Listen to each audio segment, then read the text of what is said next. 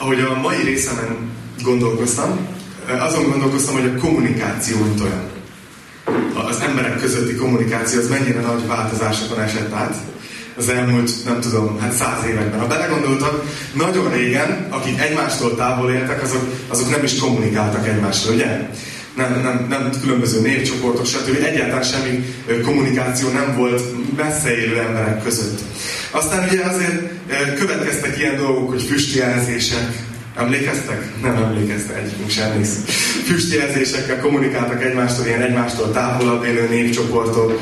Aztán ugye, amikor beindult a gőzhajózás, akkor lehetővé vált, hogy még a tengeren túlra is lehetett levelet küldeni. Na azért annyira ez nem volt gyors, csak a fiatalabbak megmesélem, hogy én sem emlékszem, két-három hét is eltelt, mire egy levél odaért és utána valaki válaszolt, és lehet, hogy ugye nem volt egyből ideje válaszolni. Tehát igazából két hónapig vártál, hogy most egyetlen odaérte a levele, amit nagy nehezen megírtam természetesen kézzel, ugye, papírra. Na hát ez volt régen a kommunikáció, aztán aztán előbb-utóbb jött a nagy áttörés.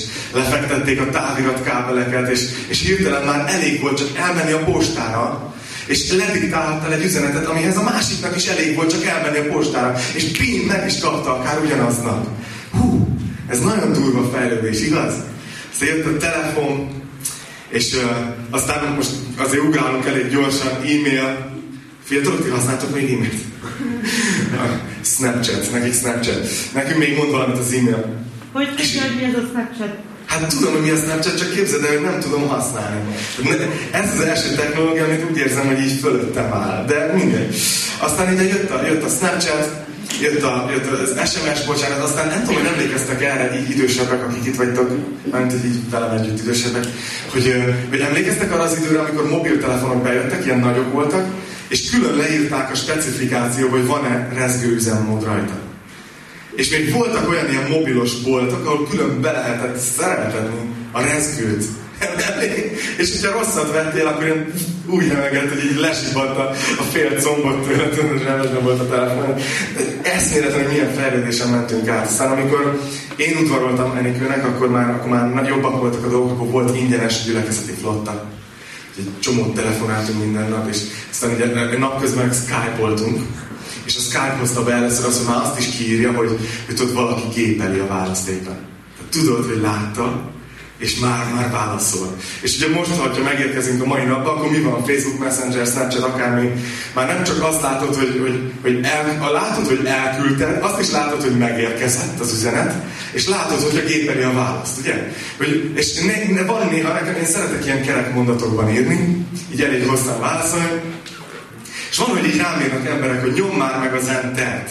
Mert nem bírják kívánni, amíg megírom a választ, legalább az első mondatot ugye hagyolvassák, hogy legyen ilyen életszagú a, a kommunikáció. És ezen gondolkoztam, hogy, hogy, hogy belegondoltatok, hogy milyen jó lenne, hogyha Istennel ilyen lenne a kommunikációnk. Hogy így imádkoznánk, és látnánk, hogy elküldve, látnánk, hogy elolvasta, és látnánk, hogy már válaszol, már írja a választ mindjárt megérkezik, még egy kicsit türelem, és, és mindjárt válaszol, ugye? És valahogy vágyunk erre, hogy Istennel ilyen legyen a kommunikációnk. De ehelyett azt tapasztaljuk, hogy, hogy az Istennel való kommunikáció az, az elég nehéz.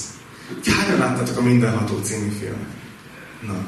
Ott ugye ezzel a gondolattal játszanak pont, hogy mi lenne, ha Isten csak úgy SMS-ben, tudod, küldj egy jelet, és ott van egy ilyen keresztábla, meg a baleset, meg SMS-t kap, meg nem tudom. Tehát pont ezzel a gondolattal játszanak, hogy milyen jó lenne, ha Istennel ilyen egyszerű lenne kommunikálni. És ahogy ma folytatjuk az abcsert, azt fogjuk látni, hogy az első gyülekezet tartott egy ima alkalmat. Mindjárt elhelyezem ezt kontextusba, hogy hol történt, meg mint történt. De tartottak egy ima alkalmat, amire Isten azonnal visszajelzett. Méghozzá durván, a legdurvább rezgő üzemmóddal megrendült a föld, ahol voltak. Megrendült a helység, ahol, ahol imádkoztak. Isten egyből visszajelzett, és, és ezen gondolkoztam, hogy, hogy mi lehetett az az ima. Mi, mi a titka ennek az imának, ami, ami annyira eltalálta Isten szívét. Mert hiszük nem, hogy sokféleképpen lehet imádkozni, és tudjuk, hogy Isten minden imát meghallgat. De mi, mi volt ebben az imában az, ami annyira eltalálta Isten szívét, hogy, hogy azonnal visszajelzett, megrendült a hely. Hát, ha meg tudjuk ezt tanulni az első gyülekezettől, hogy ők hogy imádkoztak. Hogy nem az a célom, hogy, hogy elmondjam, hogy így kell imádkozni, és mostantól minden imát így kell mondani. De akarom nektek megmutatni, mert szerintem hihetetlen szép ez az ima, amit mondanak. Bibliában rengeteg ima van feljegyezve, és nagyon különbözőek. Tehát nem lehet egy sablon szerint imádkozni. Vannak ilyen imádságszemináriumok, amik tanítják, hogy először adj hálát, aztán imád az Istent, aztán sorolt fel a kéréseidet, és fejezd még több dicsérettel. Tehát jó, biztos segítenek egyébként, ha valaki kezdi tanulni az imádkozás művészetét, de valójában az ima az egy egyszerű dolog, amikor az atyánkkal beszélünk. És a szívünk fontosabb, mint az, hogy mit mondunk. A szívünkben, hogy mi, játszódik le. Isten nem olyan, mint egy magyar hivatalnak, hogy tudod, beadod a dokumentumokat, és azt mondja, hogy hát ez formai hibás. Vissza leáll az egész projekt, mert nincs rajta egy bélyegző, vagy nem úgy írtad alá, vagy fekete tollat használtad a kék helyett. Isten szereti, ha bárhogy imádkozunk hozzá. De mégis itt látunk egy olyan imát, ami nagyon Isten szívét eltalálta. Ezt akarom nektek megmutatni. Úgyhogy ha van nálatok Biblia, akkor az Abcsel 4-hez lapozzatok. Ezt már elkezdtük tanulmányozni egy néhány héttel ezelőtt. Apostolok cselekedet egy negyedik fejezet, és a 23. verstől fogjuk felvenni a fonalat, jó? Ezt olvassuk. Amint elbocsátották őket, elmentek az övéikhez, és elbeszélték mindazt, amit a főpapok és a vének mondtak nekik. Na itt meg is állok, mert azért jó néhány hete kezdtük el a negyedik fejezetet, és lehet, hogy ö, már nem mindenkinek van meg, hogy hol is tartottunk. Egy kicsi, mi, mi az, amikor azt olvassuk, hogy amint elbocsátották őket? Mi az, ami történt ott? Mi történt előtte? Ha emlékeztek, ez az az időszak, amikor a gyülekezet éppen, hogy elindult a keresztény gyülekezet, Krisztus tanítványai épp hogy elindult. Még nem volt épületük, nem volt szervezetük, nem volt bejegyzett egyesületük, logójuk, honlapjuk, Snapchat fiókjuk, semmi nem volt, csak a tanítványok, és a tanítványok az egyébként maga a gyülekezet ma is. Ha, ha emlékeztek, tanítottam erről a hétünk alapjai sorozatban, hogy néha összekeverjük, azt gondoljuk, hogy a gyülekezet az egy szervezet, egy logó, vagy azt gondoljuk, hogy a szervezet az egy esemény, vagy azt gondoljuk, hogy a gyülekezet az egy hely. De igazából a gyülekezet azok mi vagyunk, amikor találkozunk egymással. És, és ez, ez, ez a hely, ez csak akkor válik gyülekezetté, amikor mi itt vagyunk. Na akkor még ezt értették, mert csak a tanítványok voltak, és azt olvastuk, hogy ebben az időszakban nagyon sok jel és csoda történt az apostolokon keresztül, és a harmadik fejezet leírt egy ilyen csodát, egy jelet. Péter és János ugye mentek a templomba. Megvan ez a történet? Mentek a templomba, délután, hánykor? Háromkor imádkozni, aminek azért volt nagyon nagy jelentősége, mert háromkor volt az imádkozás órája, de fél háromkor volt az áldozatok bemutatásának az órája. És ők nem mentek az áldozatok bemutatására, mert ők tudták, hogy Jézus Krisztus áldozata a kereszten az végleges. Nem kell többé menni és áldozni. Nem kell többé menni és bemutatni a bűneiket újra és újra áldozatot, hanem egyszerűen bele kell kapaszkodniuk abba az áldozatba, ami tökéletes volt, és egyszer és mindenkorra szólt. De viszont mentek háromra, az imádkozás órájára, a hálaadás órájára. És éppen ahogy mentek be a templomba, hoztak egy születése óta sárta férfit, aki akart tőlük alamizsnát kérni. És ugye beszéltünk erről, hogy mennyire, mennyire különbség van között, hogy valaki csak alamizsnát kap, ami igazából nem változtatja meg a helyzetét, csak, csak föntartja, benne tartja, éppen elviselhetővé teszi az életet.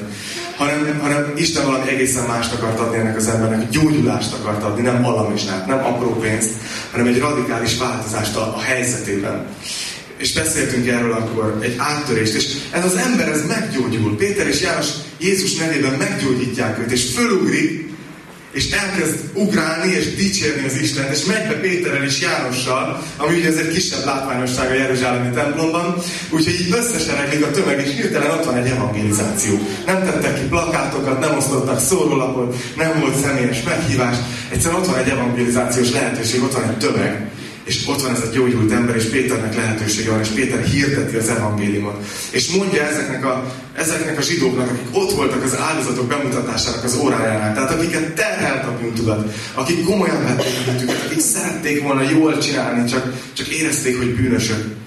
Ő neki hirdeti, hogy Jézus Krisztusban eljöhet a felüldülés ideje. És amit mi élünk, az a felüldülés ideje. És, és az a helyzet, hogy nem tetszett a vezetőknek, ugye, hogy, hogy, hogy, hogy ezt hirdetik. Mert az egész rendszerük arról szólt, hogy jöjjenek az emberek és áldozzanak, és vegyék meg azokat az áldozati állatokat, amiket ők adnak, olyan áron, ahogy, ők adják. Nekik ez az egész üzenet, hogy szabad lehetsz, és nem kell többé áldoznod, ez nekik nem volt jó biznisz.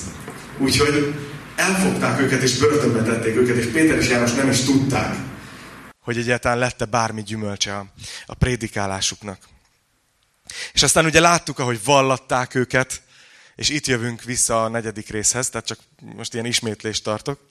Ugye látjuk, ahogy, ahogy így középre állították őket, és vallatták őket. És próbálták rávenni őket, hogy ne hirdessenek semmi, ne tanítsanak Jézus nevébe. Hogy felejtsék el. Hogy ne tanítsanak ebbe a névbe. És annyira jó volt látni ezt a, ezt, a, ezt a feszült helyzetet, hogy ott van a, az Izrael népének az egész vezetősége, és ott van ez a két tanítvány, középen állnak, és szorongatják őket, nyomást helyeznek rájuk, és ők nem, nem roppannak össze, hanem nagyon tiszteletteljesen, de nagyon határozottan azt mondják, hogy nem tehetjük meg. És azt mondják, hogy mi ezt eldöntöttük, de ti is döntsétek el, hogy szerintetek mi a helyesebb, ha nektek rátok hallgatunk, vagy Istenre. És ugye ezt mondják, és akkor látják, hogy nem tudnak mit csinálni velük. Ezt olvastuk itt a, az előző versekben, Abcsel 4.21-ben, hogy azok pedig, miután megfenyegették, elbocsátották őket, mivel semmi lehetőséget nem találtak arra, hogy megbüntessék őket. A nép miatt, mivel mindenki dicsőítette az Istent a történtekért, hiszen több mint 40 éves volt az az ember, akin a gyógyításnak ez a csodája esett. És akkor itt jön az a 23. vers, amit ma kezdünk hogy amint elbocsátották őket, elmentek az övéikhez, és elbeszélték mindazt, amit a főpapok és a vének mondtak nekik. Szóval itt tartunk. Képzeljétek bele magatokat Péter és János helyébe. Éppen most jöttek vissza a kihallgatásról. Az elmúlt éjszakát börtönbe törtötték ráadásul. És megérkeznek a tanítványok közé, akiknek ennyi idő alatt minden bizonyal feltűnt, meg hát valószínűleg ők is ott voltak néhányan templomban, és nagyon gyorsan híre ment, hogy, hogy a két vezetőt lekapcsolták. És akkor egyszer csak megjelennek, és ott vannak együtt, és, és Péter és János elmeséli az egészet. Ja, képzeljétek el, azt se tudtuk, hol vagyunk, aztán leszették a fejünkről a zsákot, és ott voltunk egy tömlőcbe, mondták, hogy bocs, már nincs rátok idő, mert este van, és megyünk haza a családunkhoz, mi meg itt vagyunk a tömlőcbe, és azt se tudtuk, hogy működött az evangelizáció, vagy nem és aztán középre állítottak minket másnap, és vallattak, és fenyegettek, és nyomást helyeztek ránk, de Isten megadta az erőt, és kitartóak voltunk, és így mesélik, és hogy most mit csináljunk? Itt van egy mozgalom, itt van egy kezdődő mozgalom. Jézus alig pár hete támad fel. Most mi legyen? A, most mi legyen? Ez az egész üzenetük, hogy Jézus meghalt és feltámad. És azt kérik tőlük, hogy, hogy ne tanítsanak Jézus nevében. Mi? Ez olyan, hogy azt mondanád a Coca-Colának, hogy ne adjon el több üdítőitalt. Érted? Tehát, hogy ez, ez a lényege a mozgalomnak, hogy Jézus halála és feltámadása. És most mit csináljanak? És visszamennek, és ezen gondolkozok, hogy vajon most átgondolják, hogy, hogy hogyan tudják kicsit így finomabban csinálni, egy kicsit a radar alatt, megbújva, nem annyira nyilvánosan, vagy, vagy, vagy talán most azt fogják csinálni, hogy átbeszélik, hogy, hogy hogyan tudnának kevésbé bántóan fogalmazni. Vagy átbeszélik, hogy hogyan lehetne mégis valahogy tárgyalni a vezetőkkel, hogy hát, ha megértik. Vagy, vagy lehet, hogy azt gondolják, hogy lehet, hogy el kéne inkább menni Jeruzsálemből, és valahol máshol kezdeni ezt az egészet, mert itt túl közel vagyunk a, a tűzhöz. De egyik sem. Egyiket sem csinálják. Tudod, tudjátok, mit csinálnak az első tanítványok? Elkezdenek imádkozni. Az a stratégiájuk. És most ezt az imát, amit mondanak, ezt így lassan szeretném veletek átvenni. Mert akarom, hogy így, így átmenjen, és, és ti nektek is segítség legyen az ima életetekben. Ki az, akinek kell segítség az ima életében? Oké, okay, vagytok néhányan. Többiek Igen, ezt nem szégyen bevallani, én is fölteszem a kezem. Az imádkozás az egy olyan terület, amiről folyamatosan tudunk tanulni. És amiről nagyon könnyű úgy tanítani, hogy lelkiismert furdalásatok legyen. De ezt nem fogom megtenni. Szóval itt tartunk, 24. vers. Ugye visszajönnek, elmondják, hogy mi történik, és azt mondja a 24. vers, amikor ezt meghallották, egy szívvel és egy lélekkel Istenhez kiáltottak. És így szóltak, Urunk, te teremtetted az eget és a földet, a tengert és mindent, ami bennük van. És itt megállok. Ez volt az imájuknak a bevezetése. Azt mondja, hogy amikor ezt meghallották, egy szívvel és egy lélekkel Istenhez kiáltottak. Nagyon tetszik ez a kifejezés, hogy amint ezt meghallották. Tehát nem az volt, hogy meghallották ezt, utána összeültek egy tracspartira, jól átbeszélték, kivesézték, hogy mi is történt, és akkor a végén mondtak egy záróimát. hogy Isten megáldja a tervüket, amit kieszeltek. Hanem, hogy amint meghallották, ez volt az első reakció, hogy mentek az imába. És ez nekem annyira tetszik. Nekem néha olyan furcsa, amikor így keresztény körbe, és most senkit nem lehúzni akarok, mert én magam is bűnös vagyok ebbe. De észrevettétek, hogy mondunk néha ilyeneket, hogy, hogy mondanék egy gyors imát, ha megengeditek. Mi van? néha elnézést kérünk keresztény rendezvényeken, ha imádkozni akarunk. Döbbenetes. Pedig, pedig látjátok, az első tanítványoknak ez volt az első, amit csináltak. Ha nem is jut idő beszélgetésre, de imára jut. Volt egy ilyen vicc. Ez igazából szőkenőről szólt, de szerintem ez nagyon diszkriminatív lenne, ha így mesélném el. Meséljük el mondjuk egy barna fiú. Mindegy, a vicc az így szólt, hogy valaki elment a fodrászhoz, és, és rajta volt egy fülhallgató, és mondta, hogy ezt semmiképpen nem veheti le, mert akkor, akkor neki, neki annyi. És a fodrász próbálta körbevágni, próbálta körbevágni a fülhallgatót, de, de sehogy se sikerült, és egy óvatlan pillanatban leszette róla mégiscsak, hogy le tudja ott is nyírni a haját. És, és a páciens így fogta, és így összeesett, és meghalt. És akkor nagyon kíváncsiak voltak, kiérkeztek a rendőrök, jöttek minden, és akkor mondták, hogy meg kéne hallgatni, mi volt ebben a, ebben a fejhallgatóban, mi az, ami ment, hogy, hogy ezt tartotta életbe. És fölvette az egyik nyomozó, és ez volt benne, hogy belégzés, kilégzés. Belégzés, kilégzés. Nagyon rossz, de, de néha ezen gondolkoztam, hogy azt mondják, hogy az ima, az ima az a keresztény életnek a lélegzetvétele. És néha, mintha kellene nekünk egy ilyen füles, ami mondja, belégzés, kilégzés. Mert, mert elfelejtünk néha imádkozni. Pedig a keresztény élet lélegzetvétele az ima. És az első tanítványoknak látjuk, hogy ez, ez ment. És azt mondja, hogy egy szívvel és egy lélekkel Istenhez kiáltottak. Nem tudom, hogy van-e olyan ismerősötök, akivel beszélgettek bármiről, akkor igazából nagyon hamar az az érzésetek támad, hogy igazából ő szeret beszélni. És hogy valójában, amíg, amíg te neked teret ad, hogy válaszolj, igazából akkor sem rád figyel, hanem csak, csak, csak időt hagy magának, hogy gondolkozzon, hogy mit mond, amint te abba hagyod. Nem kérdezem meg, hogy kinek van ilyen ismerőse. De, de vannak ilyen emberek, ugye, akik így nagyon szeretik uralni a beszélgetéseket. És, és azon gondolkoztam, hogy, hogy ugye, ilyenkor azért fáj ez nekünk, mert, mert rosszul esik, hogy egy olyan emberrel beszélgetünk, aki igazából nincs benne szívével, lelkével a beszélgetésben. Abban, hogy te mondasz valamit, én mondok valamit, te mondasz valamit, én mondok valamit, hanem úgy érzed, hogy igazából csak egy egyszemélyes előadást tart neked. És hogy azon gondolkoztam, hogy az imában is meg tudjuk ezt tenni szerintem, hogy, hogy csak, így, csak így mondunk valamit. Mondjuk, mondjuk, mondjuk. De hogy Isten annyira szeretné szerintem, hogyha így szívünkkel, lelkünkkel így részt vennénk az imában. Nagyon tetszett, amikor megdeszes voltam, és aki itt megdeszes volt, az tudja, hogy aki megdeszes volt, az megdeszes marad. Az a Magyar Evangéliumi Keresztény Diákszövetség, egy, evangé- egy egyetemi misszió. És amikor megdeszes voltam, akkor, akkor voltak ilyen ima alkalmaink, amit úgy hívtunk, hogy ima popcorn. Ez nagyon modern volt. Az volt a lényege, hogy senki ne imádkozzon hosszú perceken át hanem mindenki csak egy gondolatot imádkozott, és a következő ember belekapcsolódott az ő gondolatába, és folytatta onnan, ahol abba hagyta. És aztán elmondta, és a harmadik újra onnan kezdte, és a negyedik behozott egy igeverset, és az ötödik egy, egy hálaadást mondott az Istennek, és egyszerűen egy ilyen mozgalmas, az volt az érzés, hogy az egész csapat együtt van benne az imádkozásban. És, és azon gondolkoztam, hogy nem ilyen volt ez, amikor azt mondja, hogy ők egy szívvel és egy lélekkel kiáltottak az Istenhez. Nem csak valaki imádkozott, és ők meg, na, ima alkalom van, lusti, hanem ők, ők részt vettek az imádkozásba egy szívvel és egy lélekkel. És nézzétek, hogy így kezdik. Urunk, te teremtetted az eget és a földet, és a tengert, és minden, ami bennük van. Nekem ez tetszik. Néha azt gondoltam régen, hogy amikor ilyen formálisan kezdünk egy imát, az nem jó. De igazából semmi más nem csinálnak, mint hogy emlékeztetik magukat, hogy kihez beszélnek.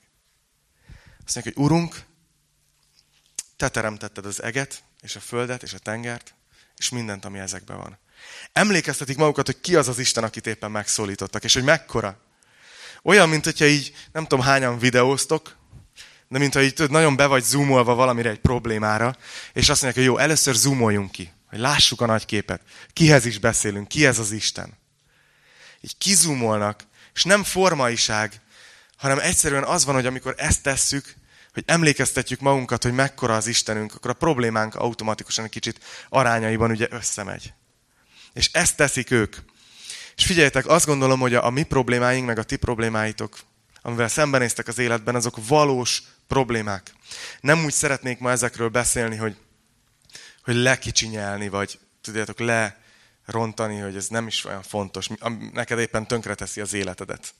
Tudod, gondolkozunk ilyeneken, hogy tovább tanulás, mi legyen, hogy fogok úgy dönteni, hogy ne szúrjam el az egész életemet, ha már bent vagyok a suliba, hogy fogok bent maradni, és, és tudod, hogy fogom azt a vizsgát megcsinálni. És vannak ilyen, ilyen nehéz döntések. Nem akarsz ingerült lenni a gyerekeiddel, de megint azt veszed észre este, hogy az voltál, igen, az voltál. És bántod magad miatta. És vannak nehéz beszélgetések a munkahelyen, akár beosztott vagy, akár vezető vagy.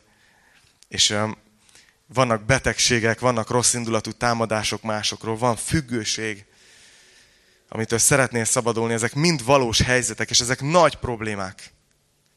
Ezek valós, jogos problémák. De mégis abban a pillanatban, amikor megtanulunk kizumolni, hogy betesszük Istent a képet, és azt mondjuk, hogy Urunk, Te, aki teremtetted az eget és a földet, és a tengert, és ami azokban van. Akkor valahogy perspektívába helyeződik a, a mi problémánk. És aztán nézzétek, a következő lépés amit tesznek ezek a tanítványok, hogy mennek az igéhez. És emlékeztetik magukat arra, hogy valójában semmi furcsa nincs abban, ami történik. Nézzétek, 25. vers. Azt mondják, hogy te mondtad a Szentlélek által Dávid atyánknak, a te szolgádnak szájával, miért tombolnak a népek, és a nemzetek miért terveznek hiába valóságot. Felkentek a föld, felkeltek a föld királyai, és a fejedelmek megegyeztek az Úr ellen és az ő felkentje ellen és utána ezt az ószövetségi idézetre ráteszik, hogy ez tényleg megtörtént. Azt mondják, hogy mert a te szent szolgád Jézus ellen, akit felkentél, valóban megegyezett ebben a városban Heródes és Poncius Pilátus a pogányokkal és Izrael népével, hogy végrehajtsák mindazt, amiről kezed és akaratod előre elrendelte, hogy megtörténjék. És itt ugye egy konkrét helyzetben vannak a tanítványok. A politikai, vallási vezetők éppen kezdik ki a mozgalmukat nyomást helyeznek rájuk, kezdenek erőszakosan fellépni a mozgalom ellen. Jézust kivégezték, és most kezdik a tanítványokat szivatni. Ugyanazzal a lendülettel. Nem gondolták meg magukat, ugyanúgy folytatják. És azt tetszik nekem, hogy a tanítványok ezen nem lepődnek meg. Értitek, hogy, hogy itt van egy helyzet, és nem lepődnek meg. Azt mondják, hogy hát ez meg volt írva, hogy a föld fejedelmi megegyeznek a te szolgád ellen. És ez meg is történt, látjuk, itt történt meg a szemünk láttára. Pilátus meg Heródes megegyeztek és kivégezték Jézust. És mint hogyha azt mondanák maguknak, hogy hát igen, ez nagyon kemény helyzet, amiben vagyunk, de ebben nincsen semmi meglepő. És nem tudom, ti érzitek-e ezt, hogy mi, amikor jön valami nehézség az életbe, mi meglepődünk. Hogy hogy lehet, hogy ez velem történik? Hogy hogy lehet, hogy én kerültem ilyen helyzetbe? Hogy most mit csináltam rosszul? Mit rontottam el? Pedig ők mit rontottak el? Semmit. Egyszerűen azt mondják, hogy ez előre meg volt írva. Előre meg volt írva, hogy ez fog történni. Egyébként, ha ismertek, akkor tudjátok, hogy én egy optimista ember vagyok. De, de mégis az élet, azt látom én is már, hogy nem habos torta. Mindig. Egyik barátom azt mondta, hogy vagy ha az, akkor biztosan romlott. De azért annyira nem adok igazat, de legalábbis mondjuk azt, hogy ha habos torta, akkor is hullala. De nem az igazi ízvilág. Nem az az élet, amire úgy igazán vágyunk, az majd, a, majd oda hát, az igazság oda át van. De hogy, de hogy Jézus mondott ilyeneket, nézzétek, János 16. Szeretjük ezt a részt, nem, hogy legyőztem a világot, de azt mondja a vers elején, hogy a világon nyomorúságotok van. Mi lenne, amikor legközelebb imádkozol, és úgy érzed, hogy egy nyomorult helyzetbe vagy, akkor azt mondanád, hogy ezen én nem lepődök meg. Jézus megmondta. Ezen a világon nyomorúságotok van. Hú, Pálapostól az, az nem volt optimista. Olyan pessimista képet festett az emberekről, nézzétek? Valószínűleg realista. Azt mondja a 2 Timóteus 3, 1-től 4-ig. Azt pedig tudd meg, hogy az utolsó napokban nehéz idők jönnek. Az emberek ugyanis, elmondja, hogy milyenek lesznek. Az emberek ugyanis önzők, pénzsóvárak lesznek, dicsekvők, gőgösek, istenkáromlók, szüleikkel szemben engedetlenek, hálátlanok, szentségtelenek, szeretetlenek, kérlelhetetlenek, rágalmazók, mértéktelenek, féktelenek, jóra nem hajlandók, árulók, vakmerők, felfúvalkodottak, és akik az élvezeteket inkább szeretik, mint Istent. És akkor belegondolsz, hogy most végig gondolsz az életedben, hogyha bármilyen probléma eszedbe jut. Ó, a gyerekeim nem fogadnak szót. Meglepődsz? Ide van írva. Erre lehet számítani. Az utolsó időkben azt mondja, az emberek lesznek a szüleiknek engedetlenek. Vagy azt mondod, hogy tudod, a kollégád tudod, nem, nem értékel téged, mint egy embert, hanem egyfolytában, egyfolytában torzsalkodik, tudod, és, és egyfolytában nagyképű. És csak magával van eltelve, csak maga körül forog. Hát ide van írva, hogy az emberek lesznek dicsekvők, gőgösek. Vagy úgy érzed, hogy valaki tudod, átgázol rajtad, mert neki, a, neki, neki egy pénz jobban kell, egy vagyon jobban kell, mint hogy egyébként veled a kapcsolata megmaradjon. Azt hát itt van, hogy az emberek pénzsóvárak lesznek. Szóval néha szerintem nagyobbak az elvárásaink. Pedig Isten igéje mondja, hogy kb. erre lehet számítani. Minden ehhez képest, ami extra, az extra. Az, az, csak, egy, az csak egy ajándék, ami ennél jobb. És nézzük, hogy, hogy ezt tették, figyeljétek, amint meghallották, imádkoztak, utána egyből um, Isten az előtérbe helyezték, és kizumoltak, és azt mondták, hogy emlékeztették magukat, hogy kicsoda Isten, és utána emlékeztették magukat arra, hogy ami történik, abban nincs semmi meglepő. Ezt félretették. És utána nézzük meg, hogy most kezdenek kérni. Most jön az imában az a rész, amikor kérnek. Vajon mit kérnek ezek a tanítványok, akik éppen most jöttek ki a nagy tanács elől, ahol megfenyegették őket. És tudjuk egyébként, hogy pár résszel később lesznek kivégzések, tehát hogy ez nem egy ilyen hulibuli fenyegetés volt. 29. vers azt mondja, most pedig, Urunk, tekints az ő fenyegetéseikre, és add meg szolgáidnak, hogy teljes bátorsággal hirdessék igédet.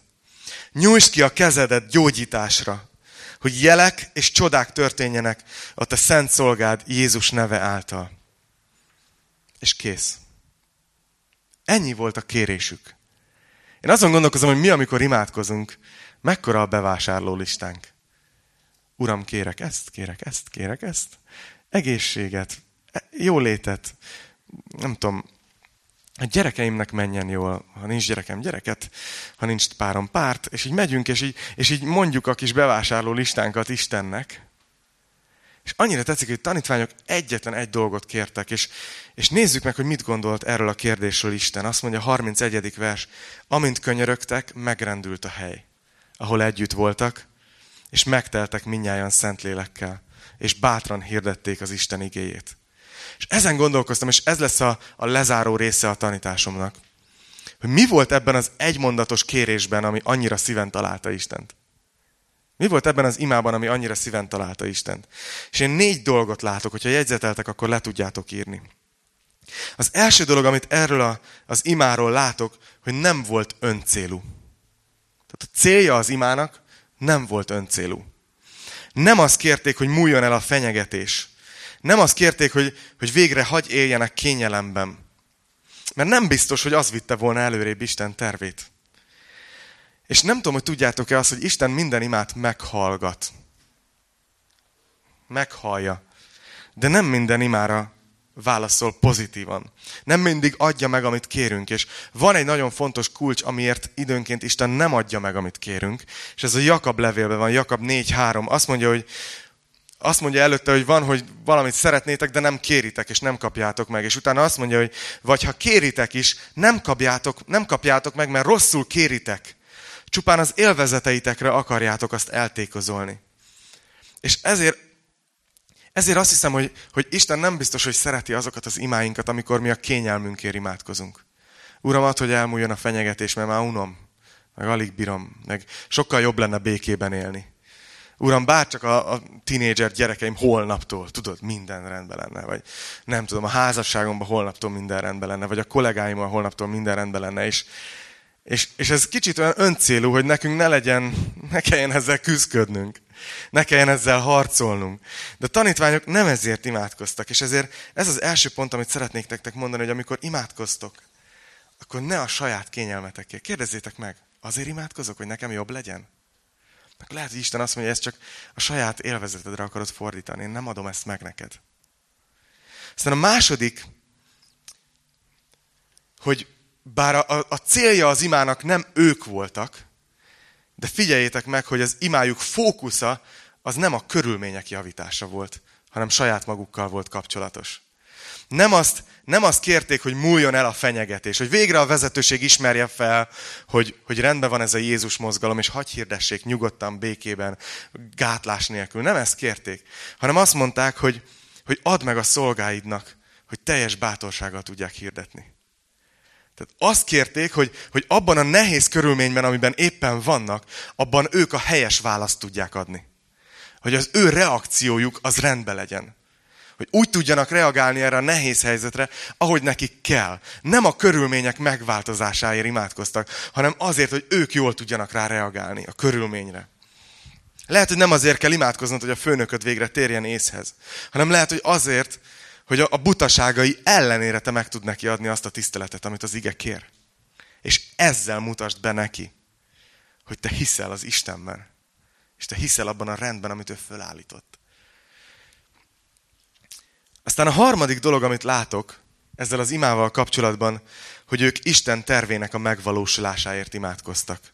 Látjátok, azt kérték, hogy, hogy, hogy, hogy add meg a szolgáidnak, hogy teljes bátorsággal hirdessék az igédet, és nyújts ki a kezedet jelekre és csodákra, és gyógyulásokra, hogy gyógyulások legyenek a te szent szolgád, a Jézus neve által. És ezen gondolkoztam, hogy nézzétek meg, hogy ők, ők tudták, hogy Istennek ez a terve. Ők tudták, hogy Istennek most az a terve, hogy az evangélium menjen. Hogy emberek hallják meg az evangéliumot, és térjenek meg. Tudták, hogy Istennek az a terve, hogy legyenek jelek és csodák, és legyenek gyógyulások Jézus nevén keresztül. Tudták, hogy Istennek ez az akarata. És egyszerűen elkezdtek azért imádkozni, hogy ez valósuljon meg. Amit Isten szeretne. És nem tudom, hogy ők ott voltak Jézussal az olajfák hegyén. A dalban van egy ilyen verszak, hogy most is hallom még utolsó szavad, így szóltál, menjetek hát el. És ők tudták, hogy Istennek most ez a terve, hogy menjenek el, és tegyenek tanítványán minden népet, és hirdessék az evangéliumot minden teremtménynek. És ők ezért imádkoztak, hogy ez valósuljon meg. És uh, volt egy tanítás a férfi konferencián, nem tudom, az két hete volt, vagy másfél, vagy valahogy így. Uh, volt egy tanítás Sámsonról, és nagyon érdekes volt nekem ez a gondolat, hogy, hogy azt mondta a Stanzel Balázs, a Pécsi pásztor, hogy, hogy milyen furcsa, hogy itt van egy ember, sose gondoltam így Sámsonra. Itt van egy ember, aki, aki csak akkor szolgálta az Isten tervét, amire őt elhívta, ugye, hogy szabadulást hozzon a filiszteusoktól, Izrael népének.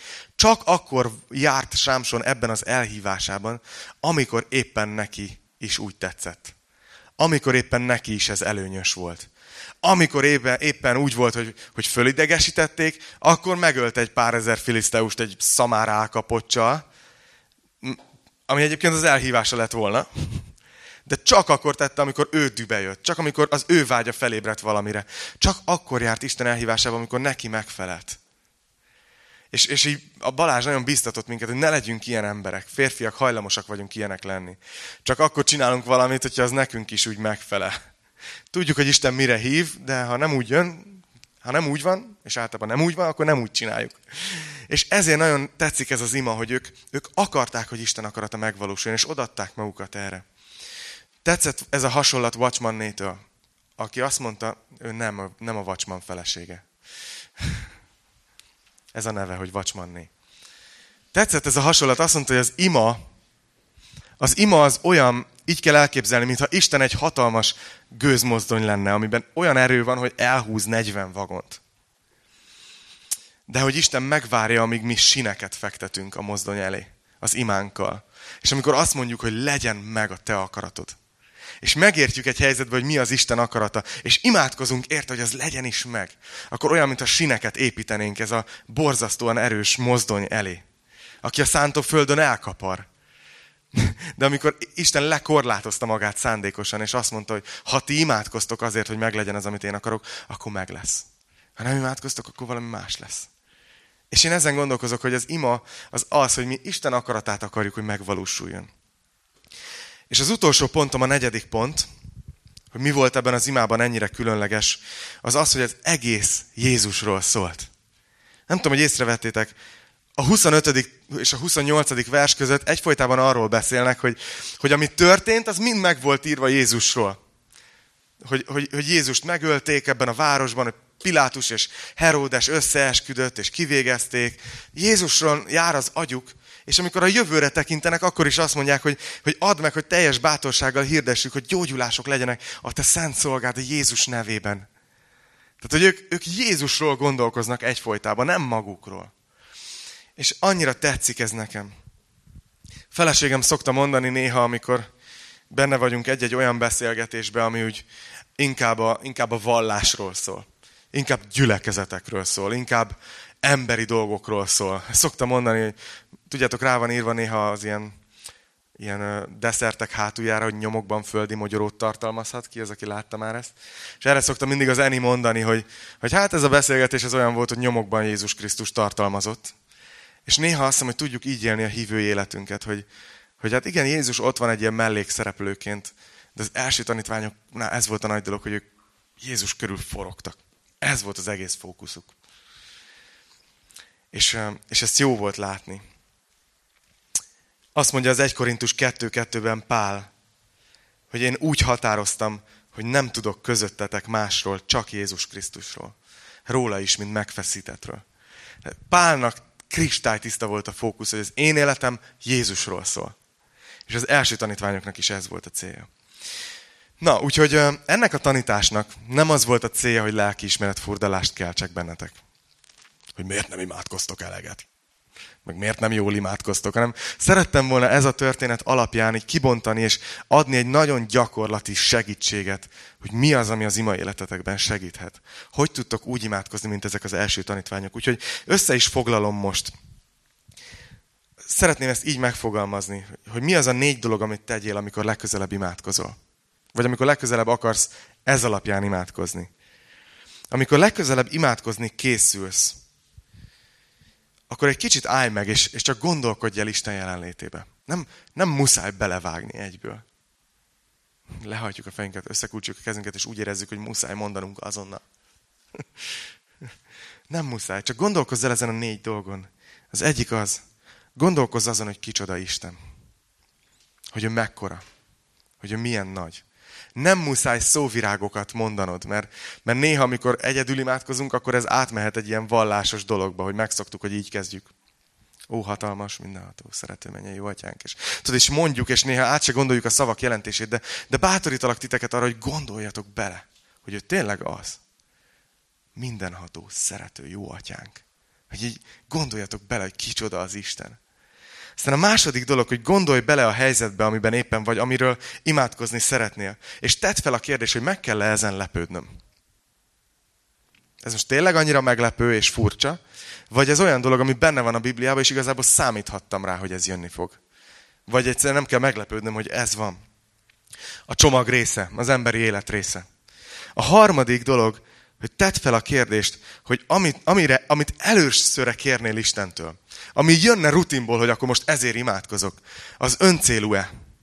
Vagy nem? Hogy igazából csak azért kéred, hogy neked könnyebb legyen, vagy valami nagyobb dolog van itt a dologban. És tedd fel a kérdés, hogy vajon mi lehet Isten akarata ebben a helyzetben. Hogy illeszkedik ez a kérés, amit én szeretnék megfogalmazni az Istennek? Hogy illeszkedik ez a nagy küldetésbe, hogy Isten azt akarja ma is még, amíg tart a kegyelem napjai, hogy menjünk és, és tegyünk tanítványá másokat, és beszéljünk az evangéliumról. Hogy illik ez a helyzet a nagy küldetésbe, és, és a figyelmedet tudatosan irányítsd át magadról Jézusra. Ezt tették a tanítványok. És aztán a negyedik, hogy kérd Istent, hogy, hogy tud megtenni azt, amit kell. Hogy tud úgy viszonyulni a helyzethez, ahogy kell. És most azt mondtam, hogy nem szabad azért megvá- imádkozni, hogy megváltozzon egy körülmény. De. De azt hiszem, hogy, hogy nagyon bátorító, hogy a tanítványok nem ezért imádkoztak. Ők nagyon konkrétan csak azért imádkoztak, hogy az ő hozzáállásuk legyen helyes. Hogy ő nekik legyen bátorságuk. Tudták, hogy szükségük van rá, és kértek. És Isten pedig bekapcsolta a legnagyobb rezgő üzemmódot. A világ imáinak történetében, és megrendült a hely, ahol ültek.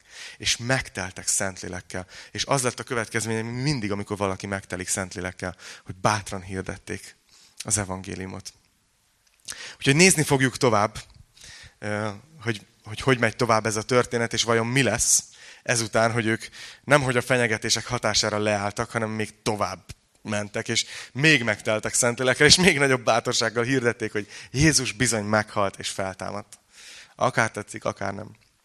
Úgyhogy majd nézni fogjuk, hogy mi lesz a történetük, jó? Remélem, hogy segített nektek ez a tanítás, és ezért most fogok imádkozni is. Imádkozzunk.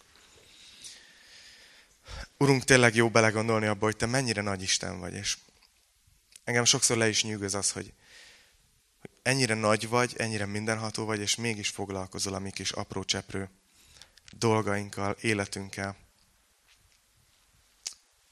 Annyi milliárd ember közül, akik itt élnek a Földön, és ez csak épp ez a mai nap, de folyamatosan születnek új emberek, és halnak meg. És Te mégis mindannyiunknak tudod még a hajunk szálát is, Uram. Tudod, hogy mennyi haj van a fejünkön, és hogy melyik esik le. És köszönöm, hogy, hogy így jöhetünk hozzád ezzel a bizalommal, Uram. És tudom, Uram, hogy ma, ma ebben a történelmi pillanatban Te még a kegyelem napjait nyitva tartod.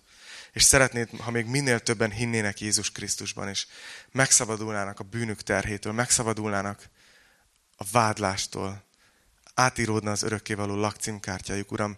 Látjuk, hogy Te megnyitottad a lakodalmas házat, és, és azt akarod, hogy teljen meg, ha csonkákkal, bonkákkal, akkor is. Bárki, aki csak hajlandó, az jöjjön. És teljen meg a lakodalmas ház. És Uram, imádkozom értünk. Imádkozom így magunkért, a gyülekezetért, hogy ugyanezért imádkozok, ami, amiért itt a tanítványok imádkoztak, Uram, hogy, hogy add meg nekünk, hogy teljes bátorsággal szólhassuk az igédet. Add meg nekünk, hogy megtérések, jelek, csodák, gyógyulások legyenek a Te szolgád Jézus nevében. És Uram, imádkozom azért, hogy, hogy vedd el a szívünkből a, a kárhoztatást, hogyha nem olyan az ima életünk, amilyennek lenni kellene. És csak egyszerűen nevelj minket abban, hogy, hogy hogyan tudunk jobban a szívedhez szólni. Hogyan tudunk jobban téged megtalálni az imában, Uram. Kérlek, emlékeztes minket nap, mint nap, hogy belégzés, kilégzés. Kérlek, Uram, tedd meg ezt Jézus nevében. Amen.